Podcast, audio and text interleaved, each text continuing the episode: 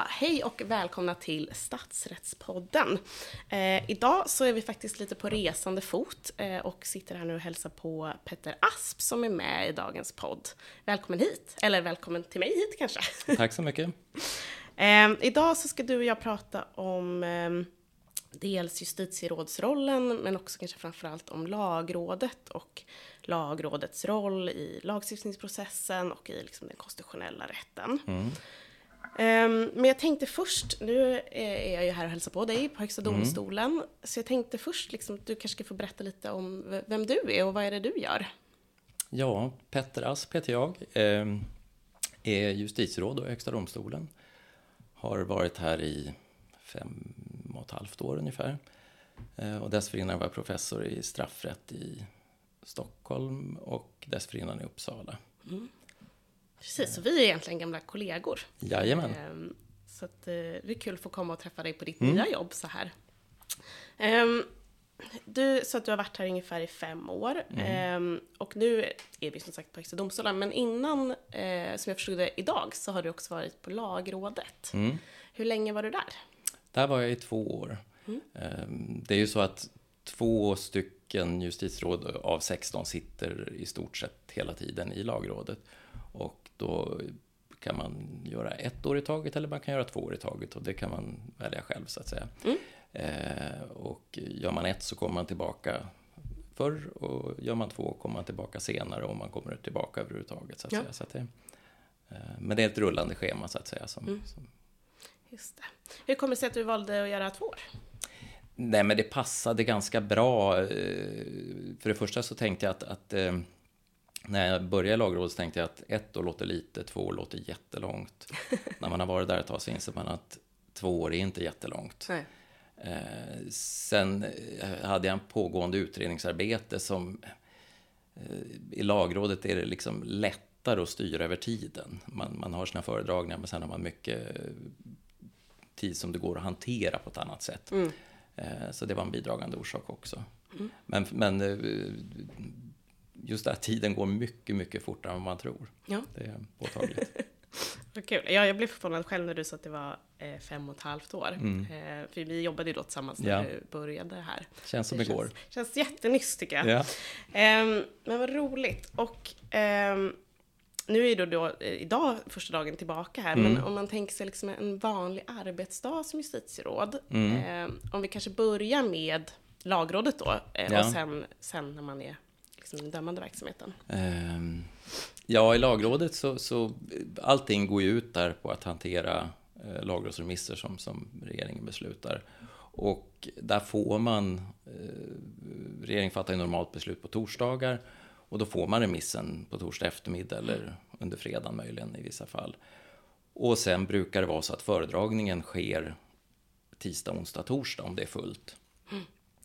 Och det betyder att eh, mellan torsdagen, fredagen där och tisdagen så, så läser man in de remisser man ska ha eh, och hanterar eh, förra veckans remisser där man, sk- man skickar över eh, Ja, alltså man, man skriver utkast till, till yttrande och så vidare och, och eh, slutför yttranden. Och då, då sitter man ju alla tre, för man är ju tre i varje lagråd, eh, och diskuterar vad man ska skriva, vad man ska inte skriva om och vad man ska skriva. Så att, eh, det är ganska tydlig ordning där. Det är tisdag, onsdag, torsdag föredragningar. Om det är fullt, det är inte alltid det. Eh, och sen resten av tiden så ägnar man åt att läsa in respektive eh, få ur sig yttrandena så att säga. Mm, just det.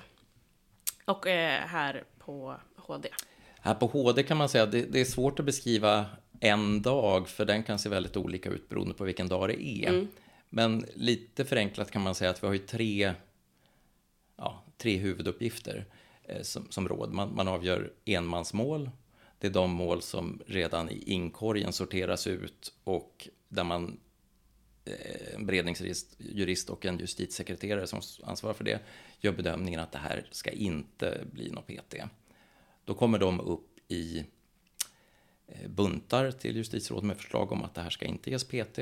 Och de buntarna, det är liksom en sak man hanterar och det gör man när man vill under veckan.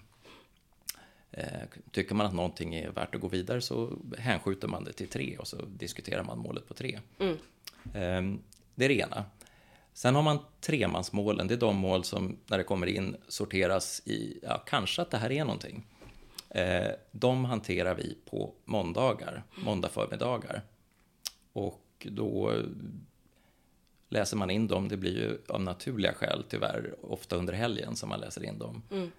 Eh, men sen träffas man då tre justitieråd på måndagen och drar de här målen. Mm.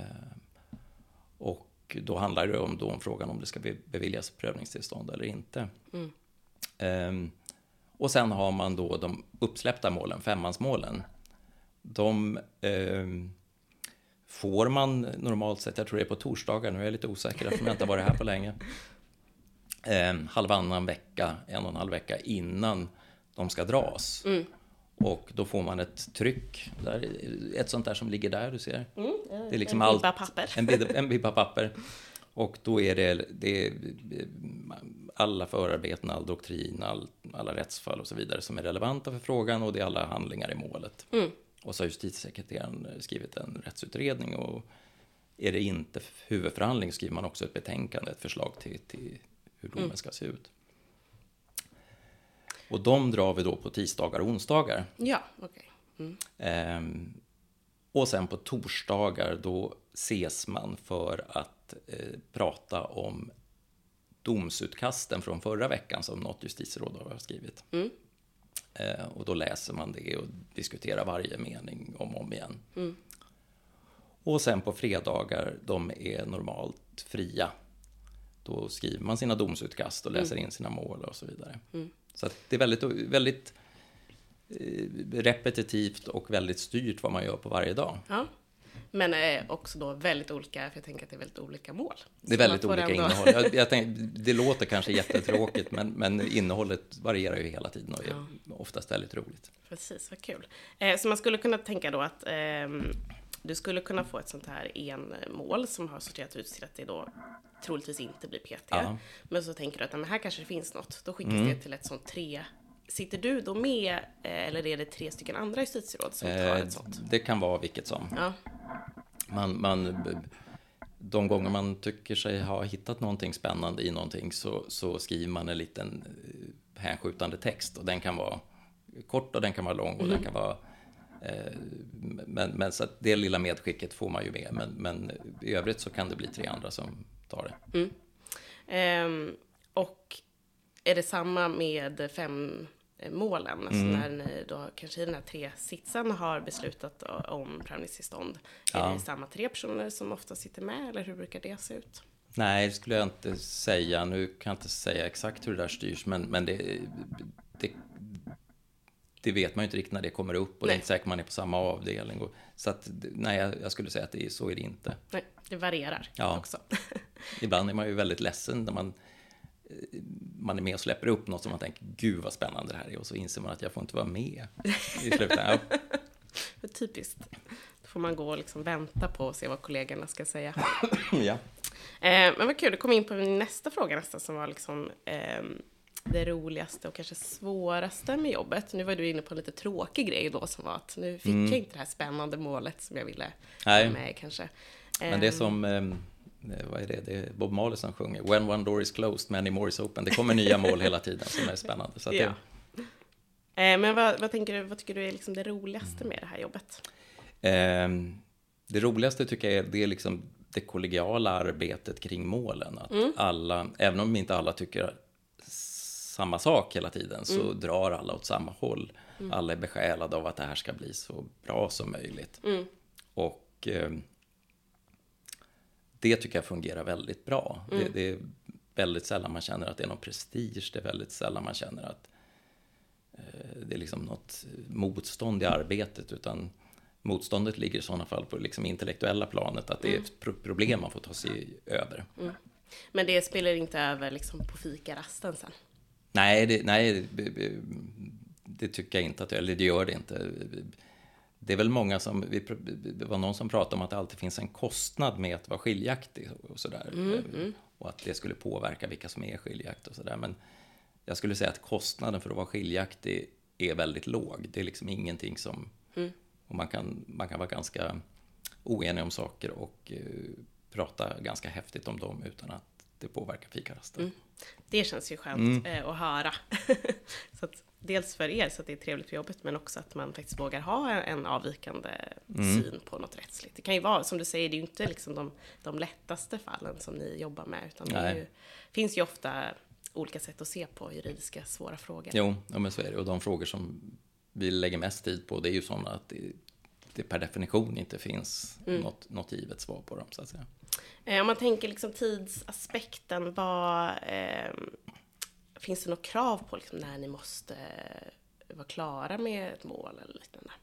Nej, vi, vi, vi, vi tillämpar inte de här strikta tidsfristerna som, som man gör i tingsrätter till exempel. Mm. Eh, men vi försöker naturligtvis bli klara så snart som möjligt. Eh, men man kan uttrycka det så här att vi har ganska korta ledtider. Som jag sa, man får materialet en och en halv vecka innan föredragningen. Mm. Sen till veckan efter så har det skrivits ett utkast. Mm. Och går allt väl där, då blir man klar med det utkastet. Och då har man hållit på i ungefär två och en halv vecka och sen läser alla det på kammaren och skriver under. Mm. Och för att det ska vara rimligt och för att det ska fungera så krävs det också att när målet är bökigt och kräver det, då blir det inte de där föredragning, återställning som vi kallar det när man diskuterar domslutkast, utan då blir det föredragning, återställning, återställning, återställning. Det kan bli tre eller fyra. Ja. Och ehm, eh, nej, men då blir det, och, och då, då, då unnar man sig helt enkelt att prata längre om mm. detta mm. Eh, till de svårigheter man har är utredda. Det är väl också ganska klokt, tänker jag, om man ska avgöra svåra saker, att man också ja. har tid att verkligen jobba igenom det. Ja, men jag tror det är viktigt. Jag tror att vår, vår, det här ganska höga tempot i det hela är försvarbart bara om man unnar sig att ta extra tid om det behövs. Mm. Mm. Vad, vad tycker du är liksom det svåraste med det här jobbet? Ja, um, det, är ju många saker som är ganska svåra tycker jag. Men, men det som är svårt, dels är det ju ofta ganska bökiga rättsfrågor som inte alltid är helt lätt att tränga in i. Mm. Eh, men sen en, en sak som är svår är ju att liksom skriva bra prejudikat. Att eh, å ena sidan inte ge för lite för att då, då fyller man inte sin funktion som prejudikatinstans. Å andra sidan liksom inte skriva hej brett och vilt om allting utan hålla sig till målet. Mm. Eh, och kanske också att riktigt förstå hur det man själv skriver läses av någon som inte eh, jag menar, vi har ändå suttit med det här målet då i ett par veckor och, mm. tänkt mycket på det allihopa och har en viss förförståelse. Och ska man förstå hur det här läses av någon som, som tittar på det lite mer utifrån och det, mm. det kan vara svårt. Upplever du ibland om ni har eh, avkunnat en dom till exempel och så mm. har ni lagt så eh, mycket tid på formuleringar eh, och sen så ser du någon annan skriva om rättsfallet till exempel mm. att det är oj, det var inte alls så där vi menade eller liksom. Nej, det är, det är ganska sällan att man mm. ser några stora missförstånd, men, man, men lite så här att man, att man ser små missförstånd, det kan hända och, och då tänker man ju inte i första hand att eh, vad dumt att missförstå det, utan man tänker att vi borde ha varit ja. tydligare. Eh, vi borde ha sett att det här krävde ytterligare någon ja. bisats eller... Mm. Precis, och det, är så, det säger jag ofta till mina studenter när man skriver att eh, mm. man ser ofta saker själv, eller man vet själv vad man menar. Ja. Eh, men det är ofta svårt att veta hur det tas emot liksom. Ja, ja, jo men så är det. Mm. Eh, det är väl också därför ni är så många, tänker jag. Jo, men det, det är väldigt, det, det är ju en del i det där att eh, det finns väl de som tror jag tycker att torsdagarna är lite tuffa för att om man har varit referent så ja, tuggas ens text sönder eller den, den masseras till den blir bättre, om man kan man uttrycka det också. Men, men, och, och det gäller ju liksom att, att, ehm, att man ehm, är med på att vi gör det här tillsammans för någonting som ska bli bättre. Mm. Eh, och eh, jag måste säga att jag tycker det är fascinerande att se hur, hur mycket en text kan förbättras av att flera personer jobbar med den. Kul. Om man eh, liksom jämför det med när du var på universitetet. Så mm. tänker jag ju ofta att liksom, ja. Ehm, det, det, blir bättre när ens kollega har läst, så, ja. så ser man saker och så. Liksom. Um, men tycker du att, liksom, jag förstår att det är annorlunda, mm. men, men hur, hur stor skillnad skulle du säga att det är? Liksom, kanske? Eh, nej, men det är, det är nog inte så dum fråga. Det, det är jättestor skillnad. Um, på universitetet så skriver man ju ganska långa texter. Man får vara mm. glad om man får någon som läser det och det blir ändå ganska översiktlig läsning. Vi sitter och läser varje mening högt för varann och, och pratar om stycke för stycke. Mm. Och en sån genomgång finns det inte utrymme för på universitetet helt enkelt. Och eh, det gör ju att man, det har jag sagt förut någon gång, att, att det gör ju att jag numera känner att varje text man släpper ifrån sig i bokform eller artikelform är ju så ofärdig så man nästan skäms lite. eh, och man vet om det men samtidigt går det ju inte att liksom Nej samla... Där valde vi en ny kvalitetsprocess. Liksom. Ja, och den, den, den är faktiskt, ja. Mm. Men det, det, det, kan man ju skicka med att har man möjlighet att samlas fem stycken och hjälpa varandra och skriva och läsa mm. högt för varandra så, så det blir bättre. Mm. Ta mening för mening. Mm. Ja, kul. Um, vi, eh, nu har vi pratat liksom om rollen som justitieråd och, mm. sådär. Um, men jag tänker också, det, jag eh, tyckte det var så roligt att höra om vad du gör, men kanske mm. också ska säga eh, vad lagrådet faktiskt är mer. Mm. Eh, vad är liksom lagrådets uppgift? Ja, lagrådet har ju till uppgift att, att så att säga förhandsgranska eh, tilltänkta propositioner kan man säga i form av lagrådsremisser. Mm. Eh, från ett antal olika perspektiv. Man, man ska sätta förslagen i relation till grundlagen och rättsordningen i övrigt. Man ska se för nu ur minnet hur det står i lagråds...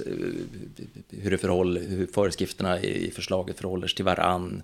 Mm. Man ska ta reda på rättssäkerhetens krav. Man ska se om... Eh, vad är det mer?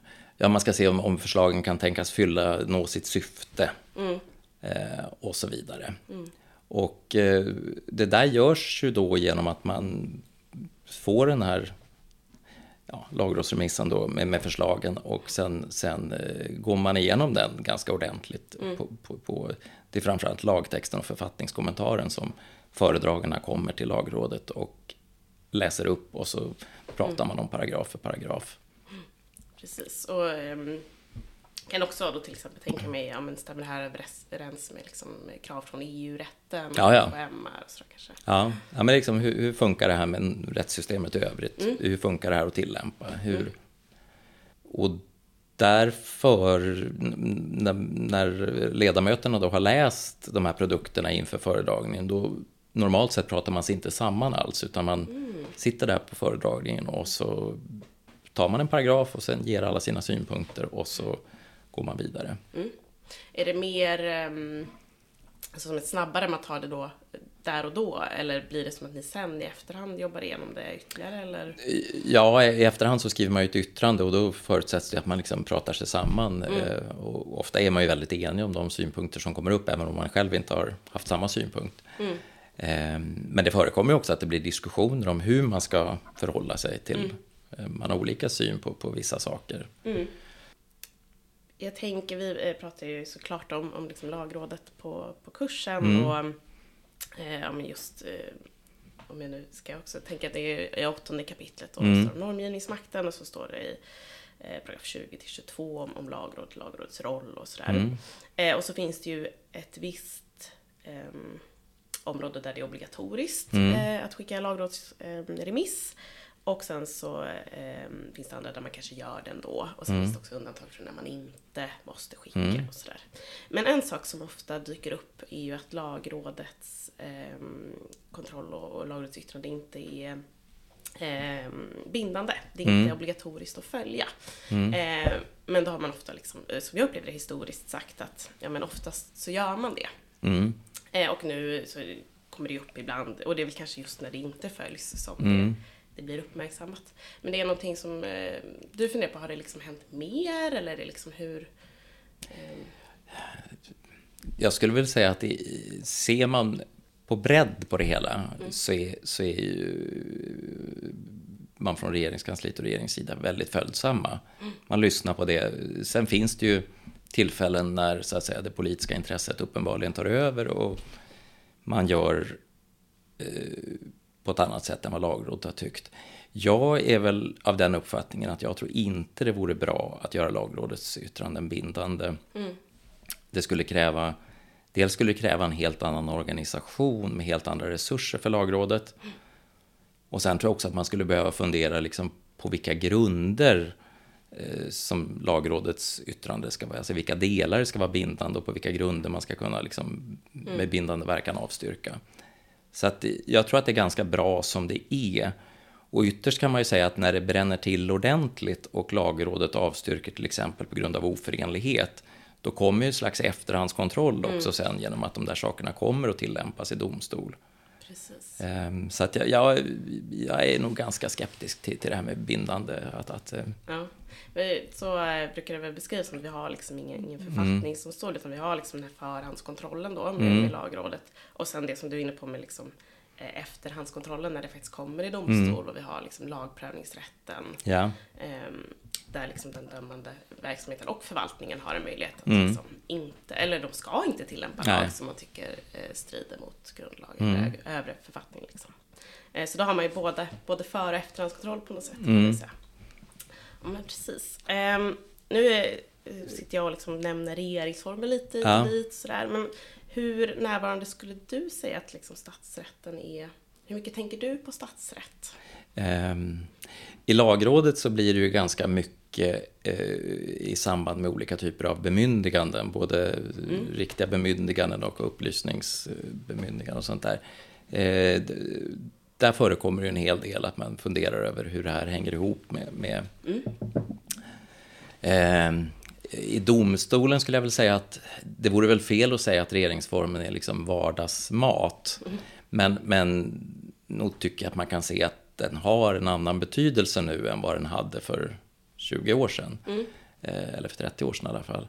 Eh, och, och eh, det hänger väl både samman med liksom att man, man har ja, utökade möjligheter till normprövning, Europakonventionen och EU-rättens mm. inträde som väl ändå spiller över i sättet att tänka.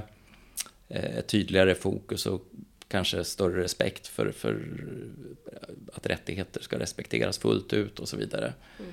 Så att, ehm, som sagt, inte vardagsmat, men, men det, det dyker upp då och då. Ja.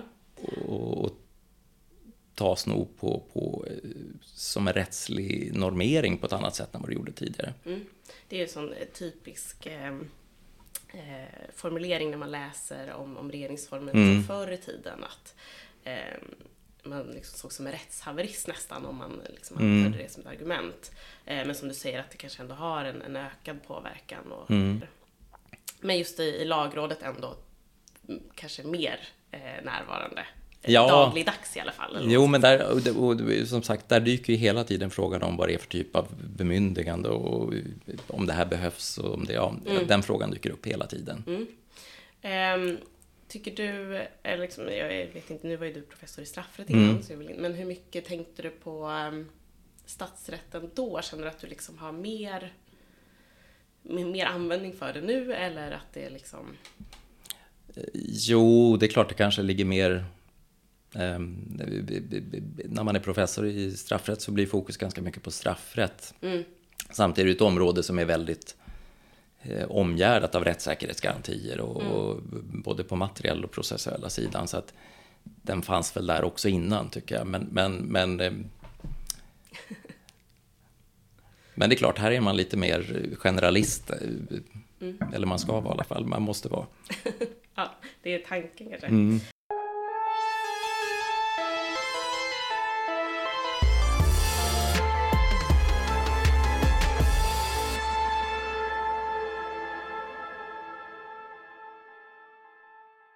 Eh, nej men vi, vi pratade ju lite, eh, vi har redan varit inne på det här med liksom mm. att, lagrådet inte är obligatoriskt och du tyckte att det inte mm. var liksom en eh, typ av lösning. Och där kommer man ju också in på frågor om liksom, juridiken och politiken mm. i, i, samverkan. Att liksom hur mycket eh, och det är ju också extra tydligt nu har vi val ganska mm. snart eh, när vi spelar in det här. Och liksom att eh, juridiken kanske är mer på tapeten, eh, mm. Eh, mer än vad den brukar vara. Och så liksom, vem, vem är det egentligen som ska bestämma över det här? Mm. Eh, och hur mycket inflytande ska juridiken ha och sådär. Mm. Ja, det, ja, det var kanske det ingen så. fråga. Men... Eh, det jag tänkte fråga var ja. mer, liksom, är det någonting som eh, ni funderar på, liksom, förhåller er till eller hur? Jo, jo men det är klart att man gör. Eh, kanske särskilt i lagrådet där, mm. där eh, synpunkter på en viss föreslagen reglering kan ju liksom bottna på flera olika plan. Man kan ha synpunkter och tycka att det här verkar ju dumt att göra. Man kan ha synpunkter att det här är grundlagsstridigt att göra. Och däremellan kan man ha synpunkten att, att det här är dumt att göra därför att det här gör att systemet inte riktigt hänger ihop längre. Mm. Eh, det kommer att till, leda till tillämpningssvårigheter här och där. Och eh, där har man ju liksom ytterligheterna förstås, att, att någonting är direkt grundlagsvidrigt eller strider mot någonting annat. Mm. Och man har de här rena värderingsbyggda sakerna där man liksom frikopplar sig helt från rätten och bara säger att det här tycker jag verkar dumt. Mm. Eh, men, men sen tycker jag att man får inte vara för snabb med att trycka bort det här eh, värderingsbaserade. För det tittar man på lagrådsföreskrifterna står det att man ska bedöma om förslaget kan nå de mål som, som man efter, de syften mm. som, som eftersträvas. Eh, och framförallt så står det att det ska man ska bedöma om förslaget, hur det förhåller sig till rättsordningen i övrigt och sådär. Mm. Och det gör att det finns en ganska god grund för den typen av kritik som bottnar i rättsordningen och inte i någon slags politiskt mm. privat tyckande. Mm. Um, och det, jag tänker det där är ju en del som vi alla är medvetna om men som man ibland glömmer bort ändå. Um, ta bara det här att, att, när du ska utreda någonting, hur, hur, man ska genomföra någonting visst, då låter du normalt sett eh, jurister hantera det, mm. om, om, det är rättsliga frågor i, i utredningsväsendet. Och det beror ju på att för att omsätta det här på ett sätt som fungerar så krävs det kunskaper om systemet runt omkring. Det är inte bara en fråga om tyckande hur det här ska bli, utan mm. eh, sen finns det ytterst en, en, en, en liksom politisk vilja att gå åt ett visst håll och att göra någonting visst och, och den ska man naturligtvis respektera. Mm.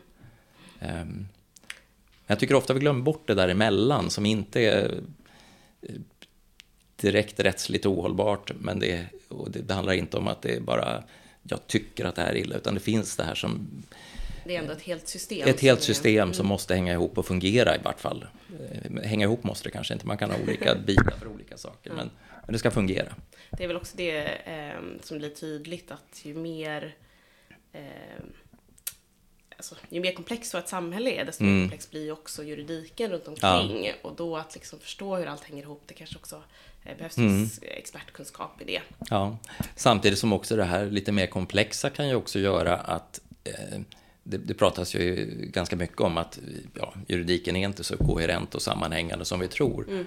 Och det är klart att, att eh, blir det allt för komplext så kanske också utrymmet ökar för att ha lite olika, olika lösningar och avvikande lösningar. Och, um, men, men någonstans så vill man ändå kunna försvara varför bedöms det här fallet annorlunda än det där? Mm. Och ha en genomtänkt uppfattning om varför bakom regeln så att säga.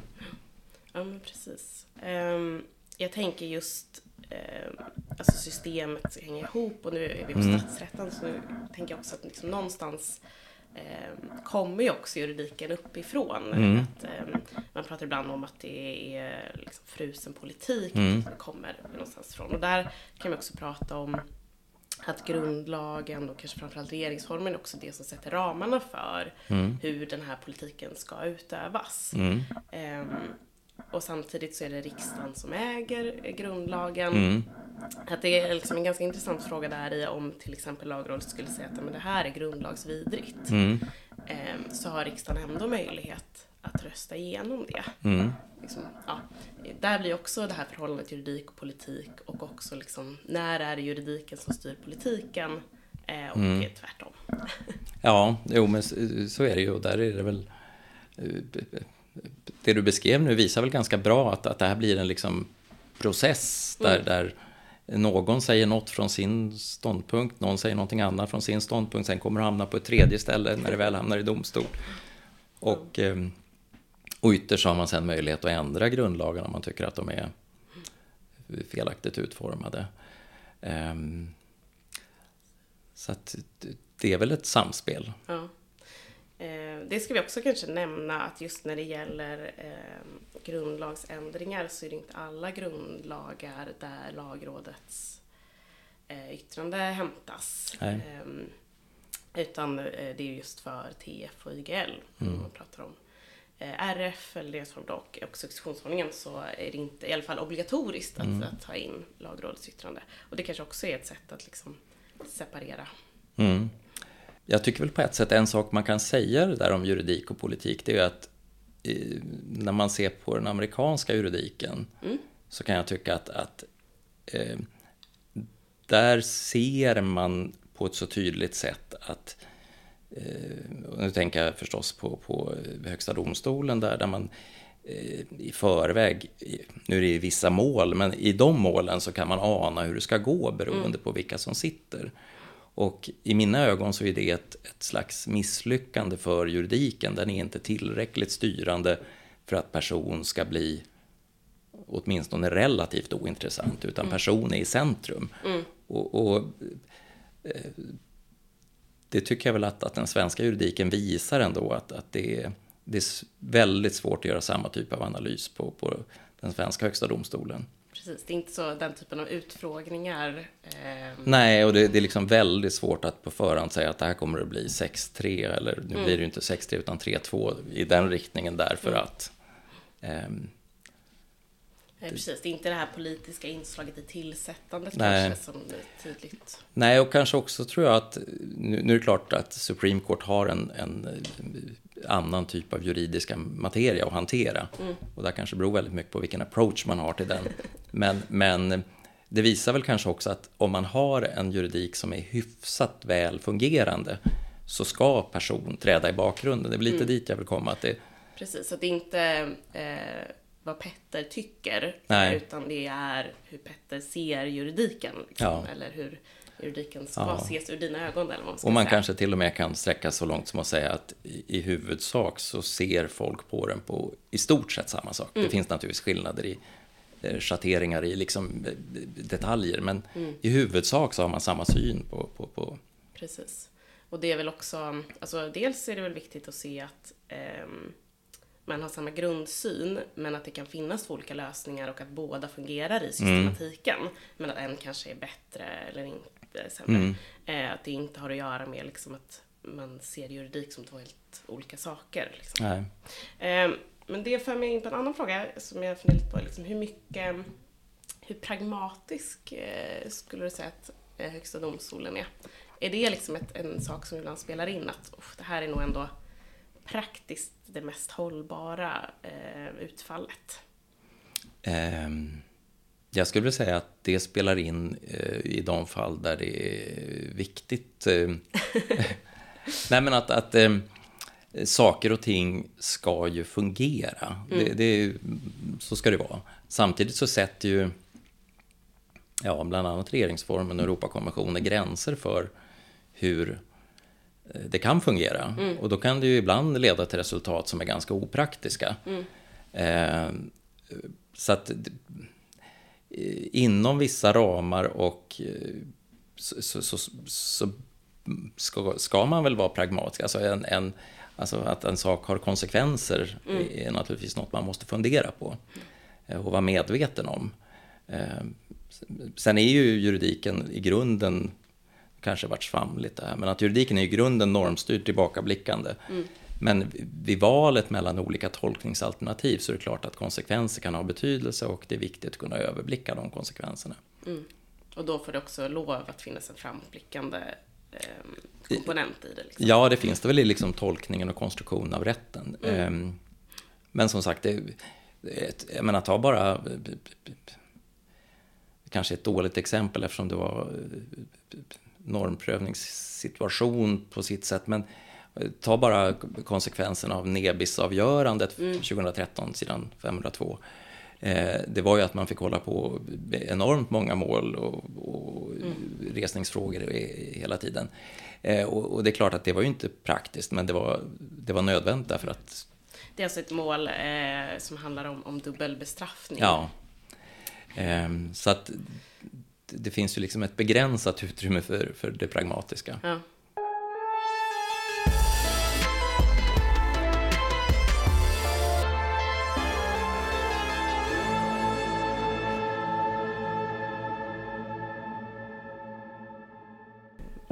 Men eh, en sån sak som vi pratar om där med kontrollen, vi pratar om att det finns, det finns eh, förhandskontrollen som då primärt sker i lagrådet. Mm.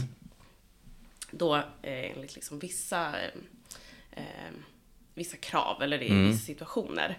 Och vi pratade om att men du tror inte att det skulle vara bra med någon typ av vetorätt för lagrådet, Nej. att det skulle vara obligatoriskt. Men eh, vad tänker du om att liksom det skulle vara obligatoriskt att inhämta lagrådsyttrande i alla situationer?